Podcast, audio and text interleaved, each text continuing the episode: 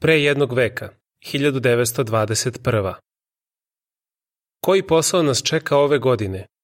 To pitanje je bilo postavljeno istraživačima Biblije u stražarskoj kuli od 1. januara 1921. Kao odgovor su citirane reči iz Isaija 61, 1 i 2, koji su ih podsjetile na zadatak da propovedaju dobru vest. Jehova me je pomazao da objavim dobru vest krotkima, da objavim godinu Jehovine milosti i dan osvete našeg Boga.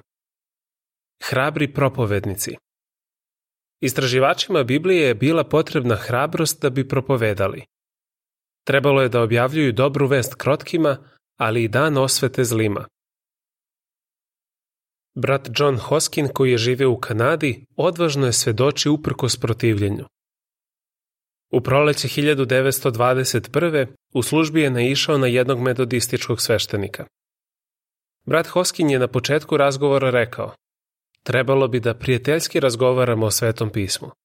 Ali čak i ako imamo različito mišljenje o nečemu, ipak se možemo složiti da se oko toga ne slažemo i rastati se kao prijatelji. Ali to se nije desilo. Brat Hoskin je ispričao. Razgovarali smo samo nekoliko minuta kada je sveštenik toliko snažno zalupio vratima da sam pomislio da će se staklo s njih sručiti na pod. Što ne odeš kod nevernika i propovedaš njima, vikao je sveštenik. Brat Hoskin ništa nije rekao na to, ali dok je odlazio pomislio je. Čini mi se da sam upravo razgovarao s jednim takvim. Sutradan, dok je držao propoved u crkvi, sveštenik je nastavio da napada našeg brata. Upozorio je vernike na mene, rekavši im da sam najveći prevarant koji ikada došao u taj grad i da me treba ubiti, ispričao je brat Hoskin. Ali njega to nije zaustavilo, već je nastavio da propoveda i razgovarao je s mnogim ljudima. On je rekao, uživao sam u službi više nego ikad. Nekoliko ljudi mi je čak reklo, sam Bog te je poslao i ponudili su mi pomoć da ne bih ni u čemu oskudevao. Lično i porodično proučavanje Kao pomoć u razumevanju Biblije, u časopisu Zlatni vek redovno su izlazile rubrike s biblijskim pitanjima i odgovorima. Primere radi, u rubrici Biblijske pouke za mlade nalazila su se pitanja koje su roditelji mogli da razmatraju s decom. Roditelji bi najpre postavili deci neko pitanje, a zatim bi im pomogli da u Bibliji nađu odgovor na njega. Pitanja kao što je koliko knjiga ima u Bibliji, pomagala su deci da nauče neke osnovne stvari. Druga, kao što je da li svaki pravi hrišćanin treba da očekuje progonstvo, pripremala su mlade da odvažno svedoče. Postojala je još jedna rubrika s pitanjima i odgovorima namenjena onima koji su već dobro poznavali Bibliju. Odgovori su se mogli pronaći u knjizi Božanski plan vekova, prvom tomu studija pisma. Iako su hiljade čitalaca mnogo naučili iz ovih rubrika, u časopisu Zlatni vek od 21. decembra 1921. objavljeno je da će obe rubrike prestati da izlaze. Zašto je došlo do te promene?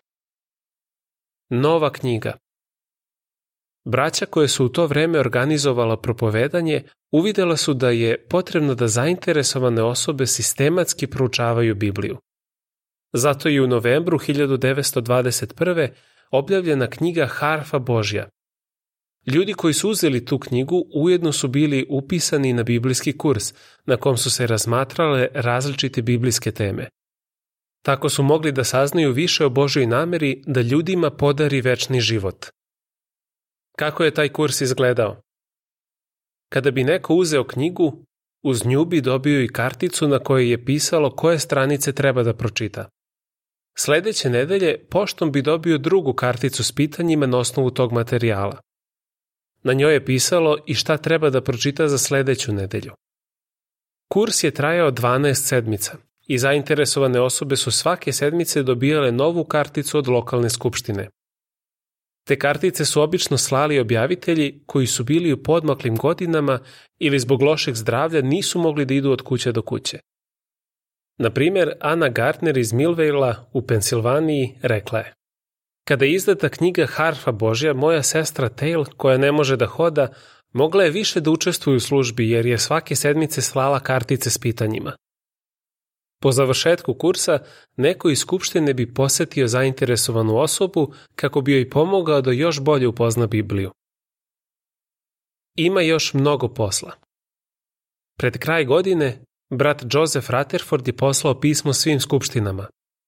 U njemu je napisao da je te godine dato obimnije i bolje svedočanstvo kraljevstvu nego i jedne godine od kako je period žetve započeo. Zatim je dodao, pred nama je još mnogo posla. Pozivajte i druge da nam se pridruže u ovoj divnoj službi. Po svemu sudeći, istraživači Biblije su poslušali njegov savet, jer su se sledeće, 1922. godine, još više posvetili propovedanju dobre vesti o Božjem kraljevstvu. Sledi propratni tekst. Hrabri i samopožrtvovani prijatelji. Istraživači Biblije su pokazivali bratsku ljubav tako što su pomagali jedni drugima. Oni su bili hrabri prijatelji, spremni da u nevolji priteknu u pomoć. U utorak 31. maja 1921. u gradu Tulsa u Oklahomi jedan crnac je zatvoren pod optužbom da je napao Belkinju. Nakon toga, preko hiljadu belaca se sukobilo s manjom grupom crnaca. Nemiri su se brzo proširili na Greenwood, deo grada u kom su uglavnom živeli crnci.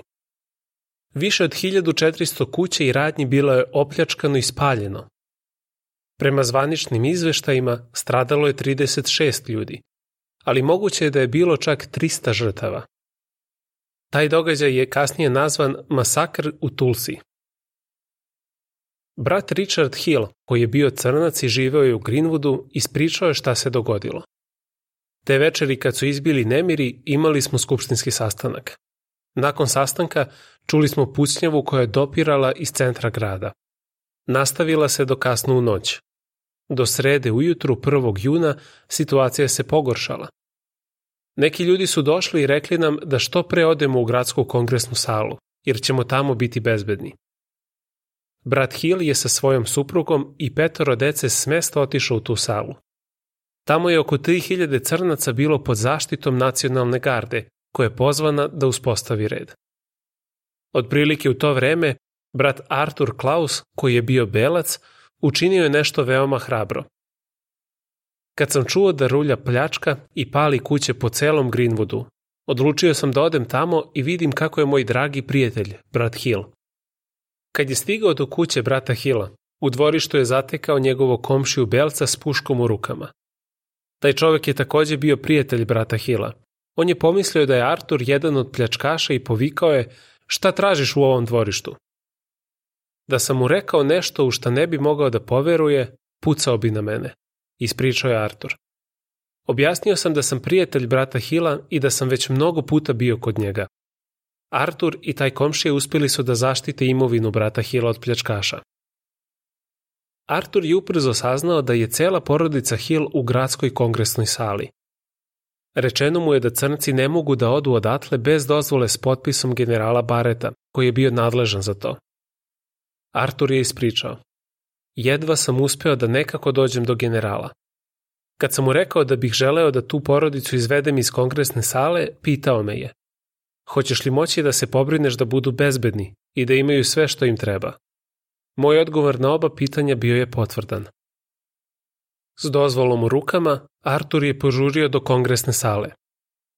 Pokazao je dozvolu jednom oficiru koji je rekao, pa ovo je potpisao lično general, ti si prvi koji izveo nekoga odavde. Potražili su u sali porodicu Hill i kad su ih našli, Artur ih je sve smestio u auto i odvezao njihovoj kući. Artur se pobrinuo da porodica Hill bude bezbedna. Njegova hrabrost i bratska ljubav ostavili su snažan utisak na druge. On je ispričao. Posle toga, komšija koji je štitio imovinu brata Hila još više je poštovao istraživači Biblije. Mnogi ljudi su se zainteresovali za dobru vest o kraljevstvu, jer su videli da među nama nema rasnih razlika, da su u Božjem narodu svi jednaki. Kraj članka.